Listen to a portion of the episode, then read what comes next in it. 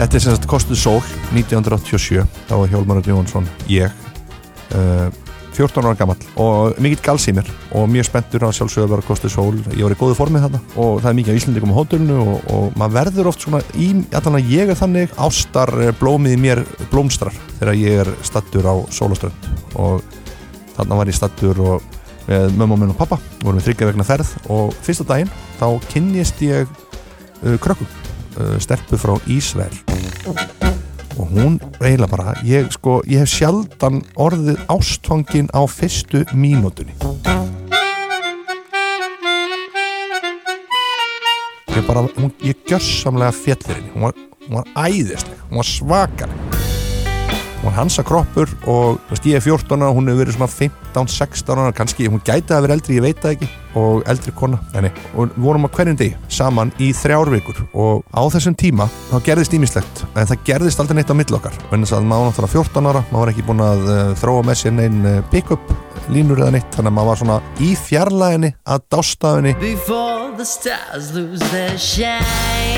Og var svakalega skotin inn. Og ég get sagt ykkur eitt að það er svo magnað að eftir þetta á í mörg ár þá var ég rosalega skotin í konum sem voru dökkarðar með sömu hárgrislu og hún. Ég var alltaf einhvern veginn að leita að henni á Íslandi.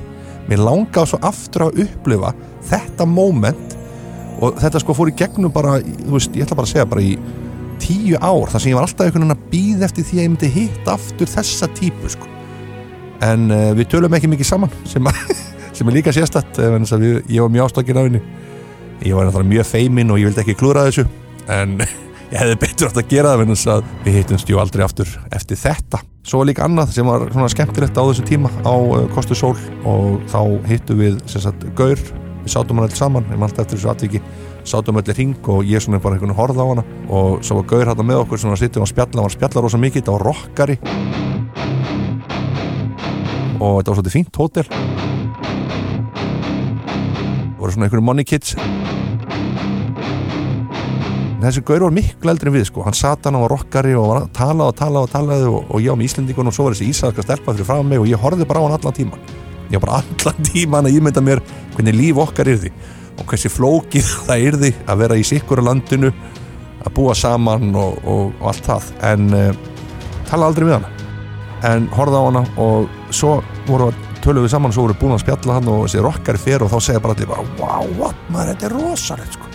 Hver hefði trúað þessu maður, þetta er alveg svakalegt sko. Og ég segi bara, byrju, byrju, hvað, ég bara misti algjörlega þessu, ég bara sóna algjörlega út, ég segi hvað, hvað var í gangi? Hjálmar, varst ekki að hlusta, veist ekki hver þetta var?